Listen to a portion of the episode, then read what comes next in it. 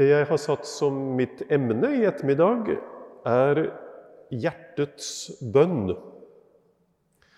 Det er jo tre store komponenter i fastetiden, som er bønn og almisser og faste.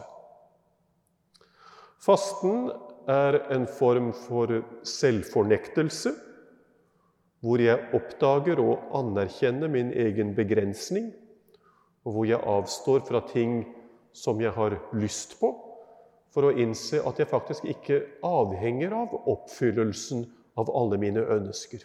Så fasten er en måte å bli fri på. Almissene, det å hjelpe materielt dem som trenger det, er et uttrykk for nestekjærlighet. Og det går ut på å innse at jeg faktisk har en forpliktelse overfor min neste. At det dreier seg ikke bare om at jeg forsøker å være god, men at det er et spørsmål om rettferd. At jeg deler av det som er min overflod, for å kunne dekke en annens behov. Og så er det bønnen som dreier seg om tilbedelse. Om å stå i et levende forhold til den Gud som har skapt meg, som kaller meg, og som holder meg i live. Jeg trer ut av meg selv ved å faste. Jeg vender meg mot nesten ved almisser og gode gjerninger. Og jeg åpner meg for Gud ved å be. Jeg åpner meg for Gud ved å be. Idealet er selvsagt at vi aldri er lukket i forhold til Gud. Og bønnen er grunntonen i det kristne liv.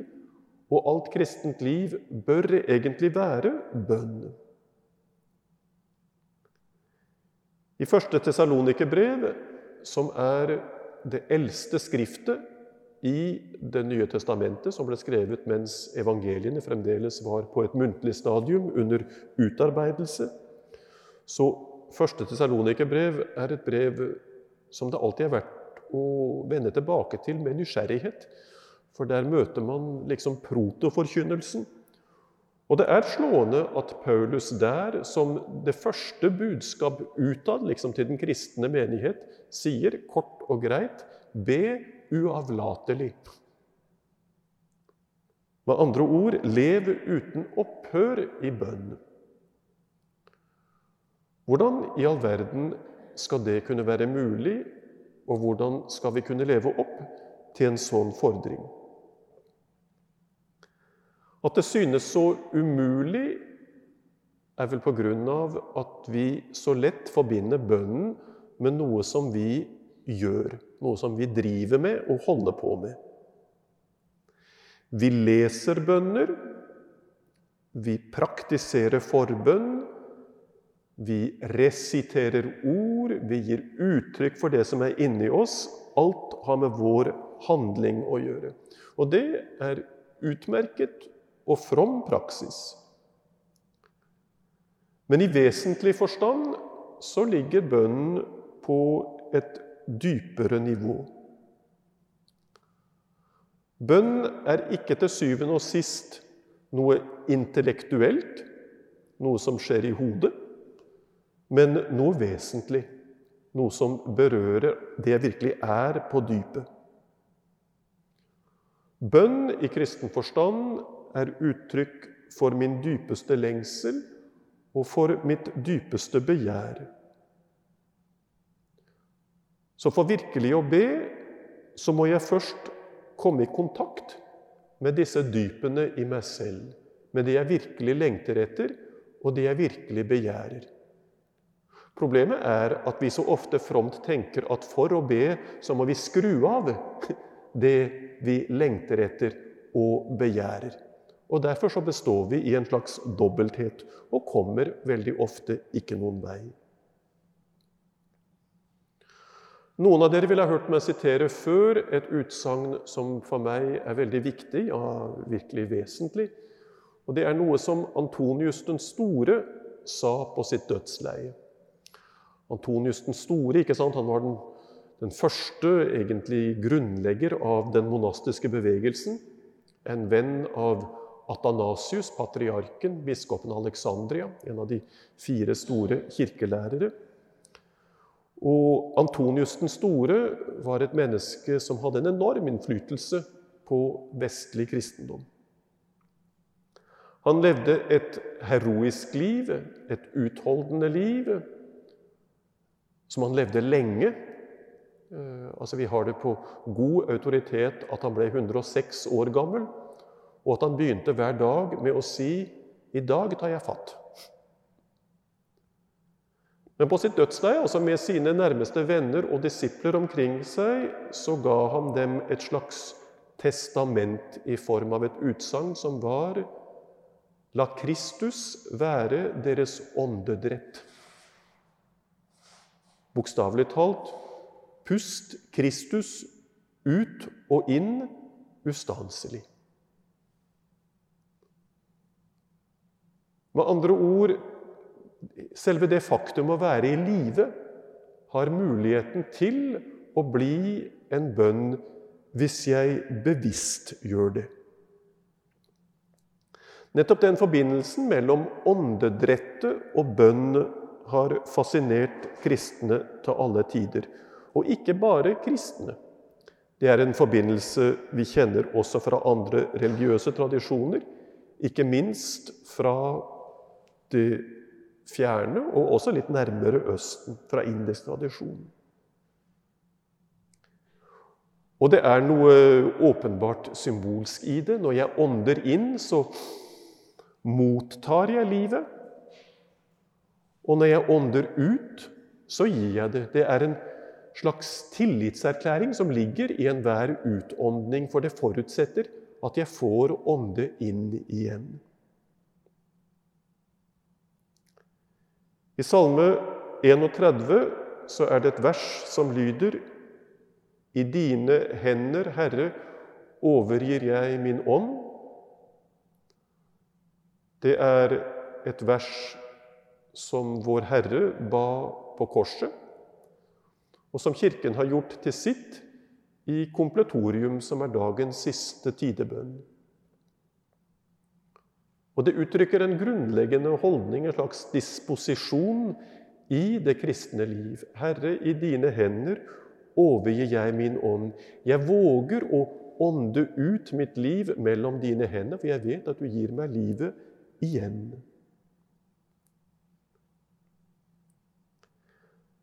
Bønn som et uttrykk for innåndning og utåndning, for å motta liv og gi liv, har også funnet et klassisk uttrykk i den bønnen som vi tenker på og kaller for Jesusbønnen, som er den korte formelen Herre Jesus Kristus, Guds sønn, forbarm deg over meg, en synder. Og Mange av dere vil være kjent med den enorme innflytelse den bønnen har hatt, ikke minst i russisk kristendom, men særlig i de siste 20-30 år, gjennom en større interesse også for østlig ehm, kristen tradisjon, så har den fått en stor innflytelse i Vesten. Herre Jesus Kristus, Guds sønn, første del, er en bekjennelse om hvem Kristus er. Han er Guds sønn og min frelser. Og tradisjonelt så er det en bekjennelse man har bedt innad når man ånder inn. For det er ved Kristus, i Kristus, at jeg mottar livet. Og så den andre del Forbarm deg over meg, en synder. Som man tradisjonelt har bedt mens man puster ut. Og det er et uttrykk for hvem jeg er, og for mitt behov. Fordi jeg er en skapning og en synder, så kan jeg kun leve når Gud gir meg nåde og kraft. Så det å komme med den bekjennelsen er en slags bekjennelse av min maktløshet, men også i tillit til at Gud kommer til min hjelp. Så for den som søker en forankring for sin egne stille, personlige bønn, så er det et ærverdig og et fruktbart uttrykk å lære å gjøre den Jesusbønnen til sin. Herre Jesus Kristus, Guds sønn, forbarm deg over meg, en synder. Og jo mer man lever på den, jo mer oppdager man det svimlende dyp som lever i en så enkel formel. Som så nødvendigvis krever å realiseres i liv. For det er ikke nok bare å sitte på en krakk i et mørkt rom og gjenta en from formel. Det som teller, er at bekjennelsen av Jesus Kristus som Guds sønn blir en levende og bærende og nærende virkelighet i mitt liv. Og at jeg erkjenner hvem jeg er som skapning og som synder som trenger Guds nåde og tilgivelse. Det er slående at nettopp den kristne tradisjonen vi forbinder med Jesusbønnen, og som er forankret i Jesusbønnen, som praktiserer den forbindelse mellom bønn og åndedrett, også insisterer på betydningen av at intellektet må stige ned i hjertet. Det kan høres ut som en veldig abstrakt formel, men det er sånn vi møter det i tradisjonen. Hva kan det bety at intellektet skal stige ned i hjertet? Rett og slett at tanken blir til liv. At det jeg anerkjenner som et begrep, er noe som faktisk animerer mitt innerste vesen. Og vi får derved huske at vårt vesen er ett. At vi ikke er så å si bare en rasjonell hjerne på stylter, men at vår legemelighet, også vårt fysiske hjerte, er nødvendig forbundet med vårt åndelige vesen og har en nødvendig rolle i vårt åndelige liv. At vi er kalt til å be til og tilbe Gud også gjennom kroppen. Det er en viktig påminnelse for oss, ikke minst her i Nord-Europa, hvor vi tenderer til å rasjonalisere enormt. Og hvor vi tenker at alt det som er av betydning, det er noe som skjer i tankene. Men det Gud kaller oss til, det er entydig åpenbart gjennom Skriften. Det Gud kaller oss til, er ikke bare å forstå en rekke sublime begreper om ham. Det han kaller oss til, er en forvandling av våre liv. Og gjennom våre liv en fornyelse av verden. Når Kristus kommer for å frelse verden, så er det ikke bare for å gjøre opp en regning, men for å gjøre skapningen ny. Det er et vers i 2. Peters brev som er vesentlig i den forstand. Et vers som vi kanskje ikke leser så ofte som vi burde, men som i kristen tradisjon har hatt en enorm innflytelse. I 2. Peters brev kapittel 1, vers 3-4, så får vi det erklært.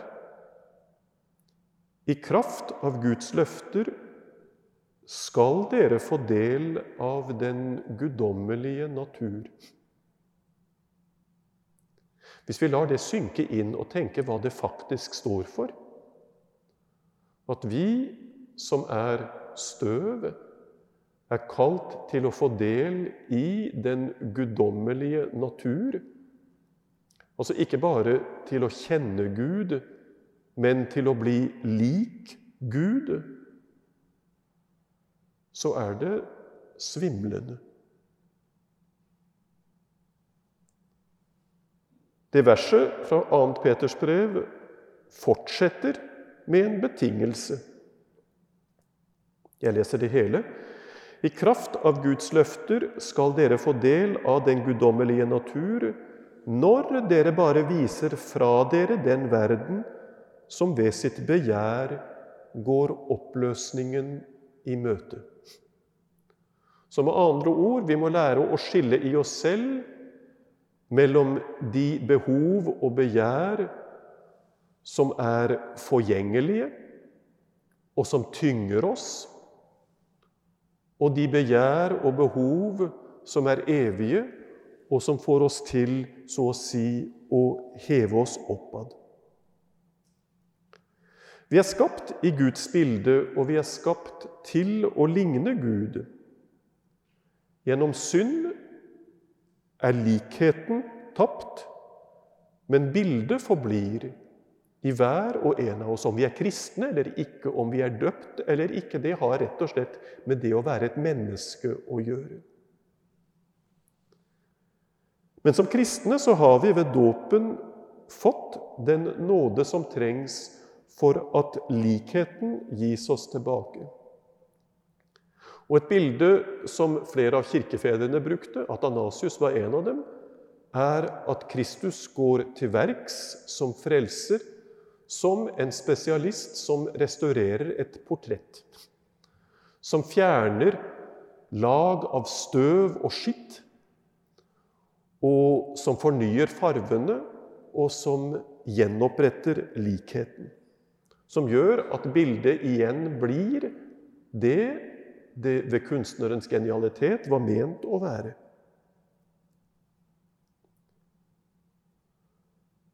Ved den nåde vi har fått i dåpen, og som vi får opprettholde gjennom livet i Kirken, gjennom sakramentene, gjennom livet i Kristus, så lever Guds liv i oss, så fremt vi ikke ved synd utelukker oss fra Guds liv.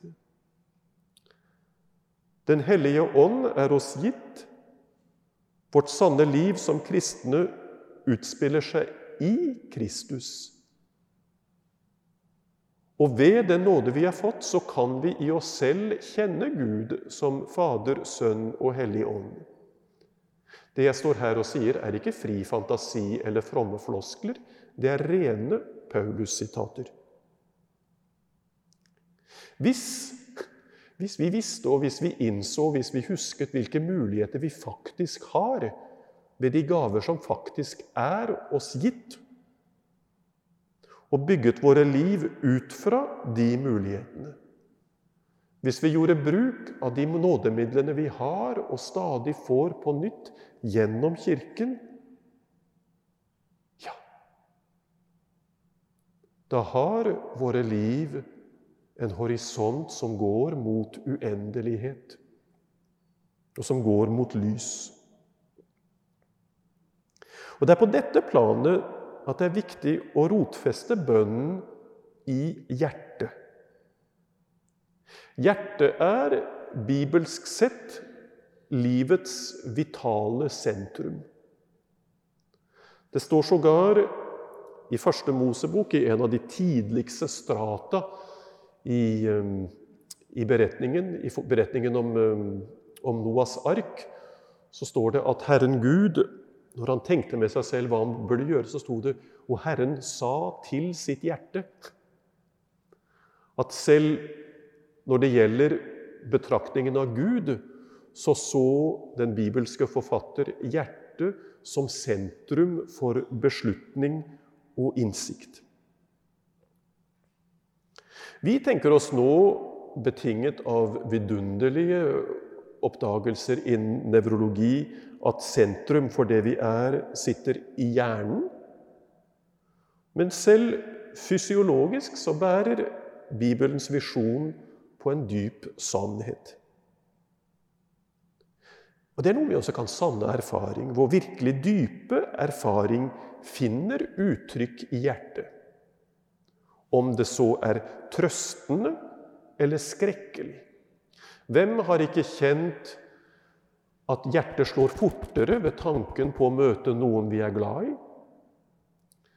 Hvem har ikke opplevd at hjertet opplever seg forstyrrende når vi er redde? Det er et vers i poeten Reine Maria Rilkes Stundenbuch, hans tidebønnebok, som alltid har gjort inntrykk på meg.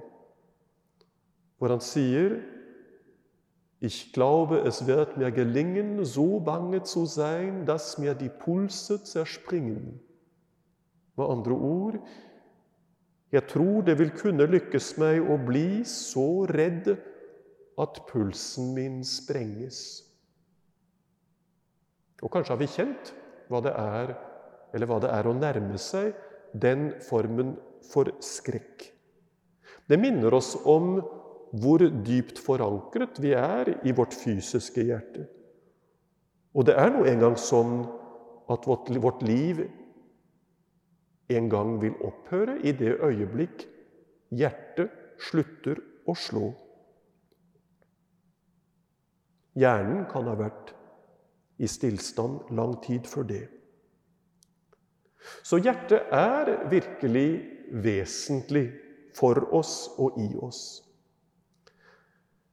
En god åndelig øvelse for fasten, hvis noen av dere ønsker å ta for dere litt ekstra bibellesning, det er rett og slett å velge seg en del av Bibelen, en bok av Bibelen, og lese den ut fra hjertetematikken.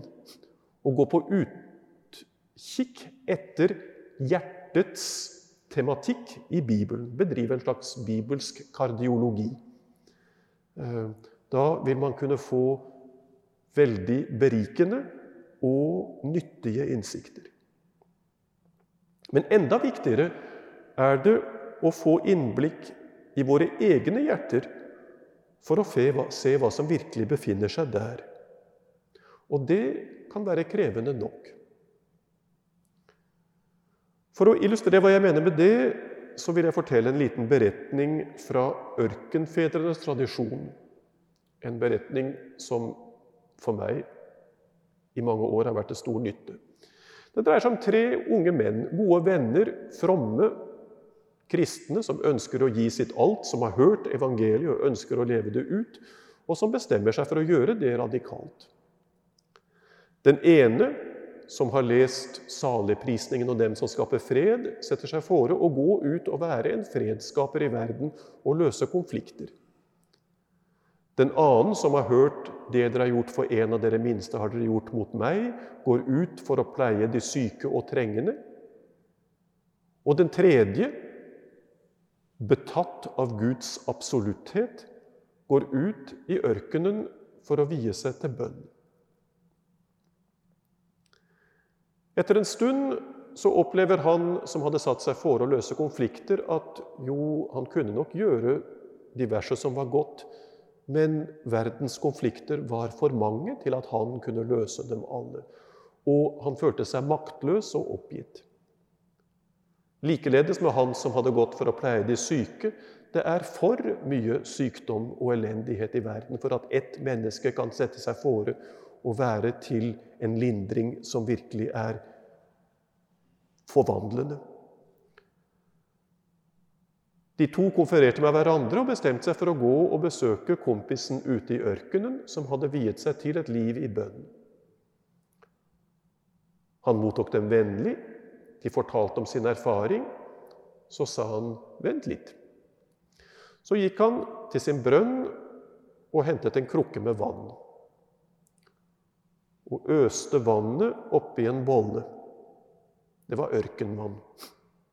Så sa han til vennene, hva ser dere i bollen? De så opp i bollen og så bare grums. Så sa munken, la oss vente noen øyeblikk. Så sa han, se nå igjen, hva ser dere nå? Og da står det, så de to besøkende inn i bollen og så sitt eget ansikt som i et speil. Og derved sier den tredje munken sånn er det med dem som lever blant folk. På grunn av all uro er han ikke i stand til å se sin egen synd. Men når han faller til ro, særlig her ute i ørkenen, får han øynene opp for alle sine mangler. Med andre ord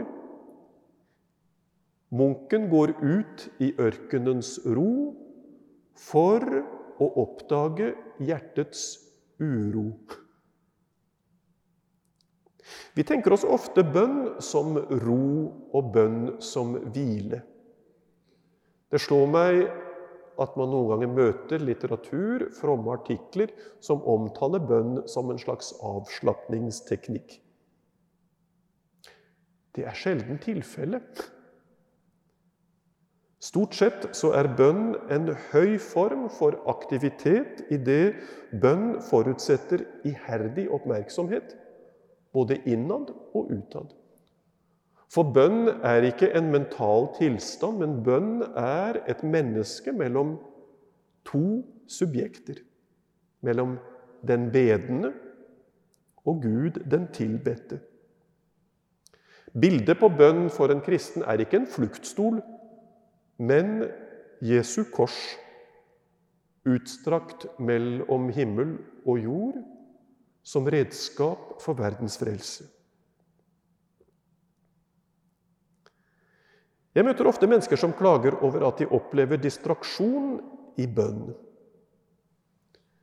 Jeg mistenker at det er en opplevelse som ofte bygger på en slags misforståelse. Fordi vi altfor lett tenker oss bønnen som en atmosfære. Eller vi tenker oss bønnen som en oppslukende film. Og vi har liksom bildet at vi, når vi går for å be, går inn i en slags indre kinosal. Og forventer at lyset dempes, at handlingen begynner, kanskje sågar at noen serverer oss forfriskninger, for at vi skal nyte en stunds oppslukthet i et tilfredsstillende og handlingsmettet drama. Men å be dreier seg ikke om å være tilskuer til en forestilling. Å be igjen går ut på å gå inn i et møte på dypet med en annen. Og et møte på dypet er alltid berikende, men også risikabelt rett og slett fordi et møte på dypet stiller en sårbar. Og hvor ofte skjer det ikke når vi oppsøker vårt bønnehjørne eller vår klosterskjelle, eller når vi trekker oss til kirken for å be, at vi, når vi vel liksom får satt oss til ro, opplever at vi er i en regelrett kamp. Vi merker ikke annet plutselig enn trekken fra vinduet og diskomusikken fra bilene som står utenfor, og egne knær som gjør vondt. Vi vil vende tankene til Gud, men tenker isteden på kommentarene fra en sur kollega på konflikter i familien eller i kommuniteten, på ting vi har sagt som vi ikke burde ha sagt, på ting vi ikke sa som vi burde ha sagt, på bilder fra fortiden eller fra nåtiden som vekker et begjær på den ene eller annen måte, på gamle sår eller drømmer for fremtiden. Og så sitter vi der i stillhet og ro men som om det var en bisverme som summet og surret inni oss. Og så tenker vi ja, men jeg kan jo ikke be sånn. Dette her går ikke. Jeg kan ikke be. Det vi ser for vårt indre øye, samsvarer ikke med den filmen vi tenkte vi hadde kjøpt billett til. Men det er der vi tar feil. For det er det som faktisk lever i hjertet, som er utgangspunkt for bønnen. Og det som teller, det er å bli værende og konfrontere det som er i meg. En liten beretning. Jeg hadde en gammel medbror i klosteret. som var, Han var allerede sent i 80-årene da jeg trådte inn. Som var fenomenalt trofast eh, i sin egen, i tillegg til den liturgiske bønnen, til sin egen stille bønn. Vi hadde et et et lite oratorium i, ved korsgangen. Og dit gikk han trofast 40 minutter om morgenen og 40 minutter om kvelden. Det var meg til stor inspirasjon å se et menneske som etter 70 års klosterliv kunne praktisere en sånn disiplin så trofast, og en dag etter noen år så takket jeg ham for den trofasthetens eksempel. Så så den gamle på mannen på meg, og så sukket han og så sa Ah, hvis du visste. Ofte nok, sier han, så skjer det selv etter 70 års klosterliv. At jeg går inn i det kapellet og kneler, men er oppslukt av distraksjoner i alle retninger. Men da har jeg lært noe, sa han. Da, i sånne tilfeller, så er kroppen min til stor hjelp for meg. For når jeg ikke kan annet, og når tankene flyr i alle retninger, så vender jeg meg mot Vår Herre, og så sier jeg, 'Herre, kroppen min er nå her, i hvert fall'. Så bare det å vedvære og bli værende og konfrontere også det faktum at jeg er distrahert, at mitt begjær her og nå går i andre retninger, kan være en begynnelse på bønn. Som sagt, det er det som faktisk lever i mitt hjerte, som må være utgangspunkt for bønnen. La oss vurdere et annet bilde. Hvis vi virkelig vil komme til selverkjennelse og lære noe om oss selv, så er det til stor nytte å se nøye på det vi produserer av søppel. Hvis vi tar et godt oppgjør sånn en gang i uka med søppelposen, så ser vi på én gang hva vi kjøper, hva vi spiser, hva vi ikke gidder å beholde, hva vi anser som ubrukelig. Vi ser også i hvilken grad vi er økologisk bevisste.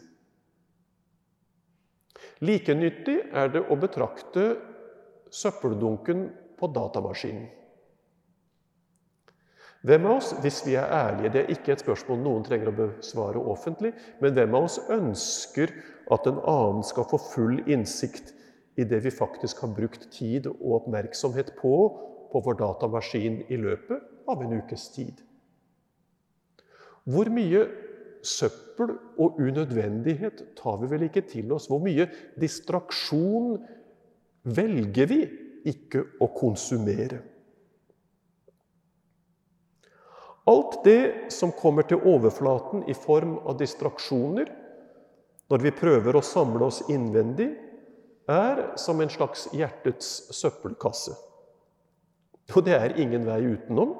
Det er en kasse som må sorteres manuelt, stykke for stykke. Det er en illusjon å tro at vi kan tømme det inn i et kosmisk sort hull som vil oppsluke innholdet og gjøre det til intet. Så for å lære oss hjertets bønn, dvs. Si for å åpne oss udelt for Guds hjerte, som åpenbares for oss i Jesu hellige hjerte, så må vi først og fremst tre ned i dypet av vårt eget hjerte. Hva finnes det egentlig der? Ikke minst i krinklene og krokene.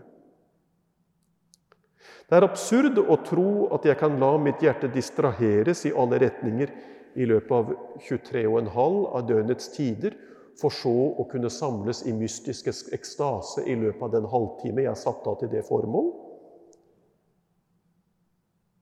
Vi forbereder vår bønn ved måten vi lever på når vi ikke ber bevisst. Og I den forstand er det helt logisk når Paulus ber oss Lev uten opphør i bønn. Lev uten opphør med blikket festet på min bedende hensikt. La bønnen være et slags kriterium for de valg jeg tar i dagliglivet. Tjener det min bønn, altså livet med Gud, forvandlingen i Kristus, at jeg ser dette programmet på TV, eller leser denne bloggen på Internett, eller fører denne samtalen eller hva det nå måtte være. På samme måte er det absurd å tro at vi på samme tid kan bære nag mot en annen være utro mot hellige løfter vi har avlagt, holde fast ved bitterhet og sinne, og samtidig be Herre, i dine hender overlater jeg min ånd. For vi gjør jo ikke det så lenge vi holder fast ved det som skiller oss fra Gud. På det planet trenger vi også stor ærlighet og stort mot til ærlighet for å se på oss selv. Et liv i bønn forutsetter at jeg klart tar avstand fra alt det i mitt liv som ikke samsvarer med Jesu liv og Jesu bud.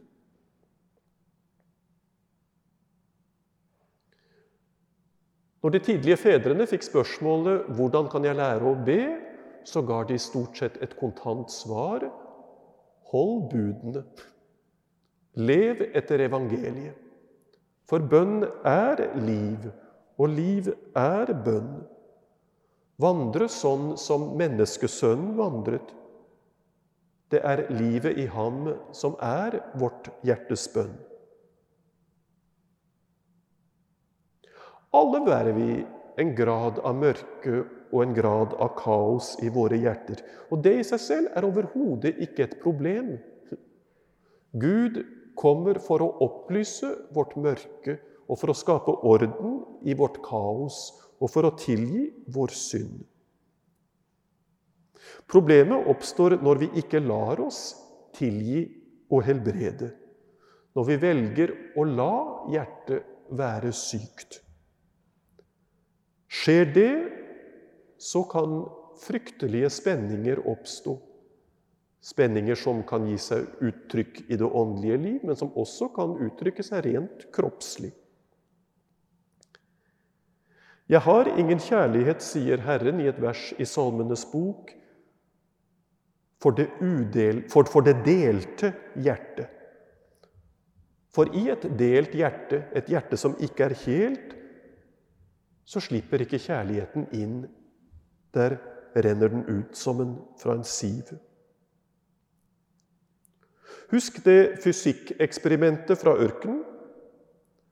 Den som lever midt blant folk i forstyrrelse, som lar seg forstyrre, og som ikke oppsøker roen som trengs for å finne orden, den er ikke i stand til å se sin egen synd. Men når han faller til ro, får han øynene opp for alle sine mangler. Et godt forsett denne fasten vil kunne være å be med stor ydmykhet, men også med stor tillit og med den grunnleggende visshet om at Gud elsker oss, men å våge å be Herre, vis meg min synd. Vis meg min skjulte synd, som igjen det står i en av salmene. Vis meg alt det i mitt eget hjerte som står i veien for ditt herredømme i mitt liv. Vis meg alt det som hindrer meg fra å be som hindrer meg fra å kjenne deg, og omvend meg, Herre, i din miskunn. I den forstand så kan distraksjonene også være oss til hjelp. I det åndelige liv så kan alt være til hjelp. Selv synd kan være til hjelp i den grad den inspirerer oss til grundig og radikal omvendelse. Distraksjonene våre viser oss hva som teller i vårt liv, hva som faktisk opptar oss og oppsluker vår oppmerksomhet. Med andre ord hvor vår skatt befinner seg. Og der hvor vår skatt befinner seg, sier vår Herre, der er også hjertet. Så la oss legge opp til det å finne vårt eget hjerte først og fremst og anerkjenne hva det inneholder, for å skape orden i det. For så å la det bli et tempel hvor Gud kan bo, og hvor Kristi fred kan herske over våre liv. igjen som det står hos Paulus, at Kristi liv kan bli det regjerende prinsipp i mitt liv. Det er det som er grunnlaget for hjertets bønn, og for det gledens løfte som den bønnen bærer.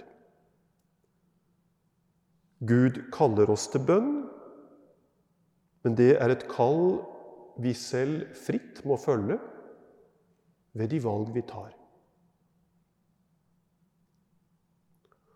Om noen øyeblikk nå ber vi sammen Kirkens aftenbønn til vesper.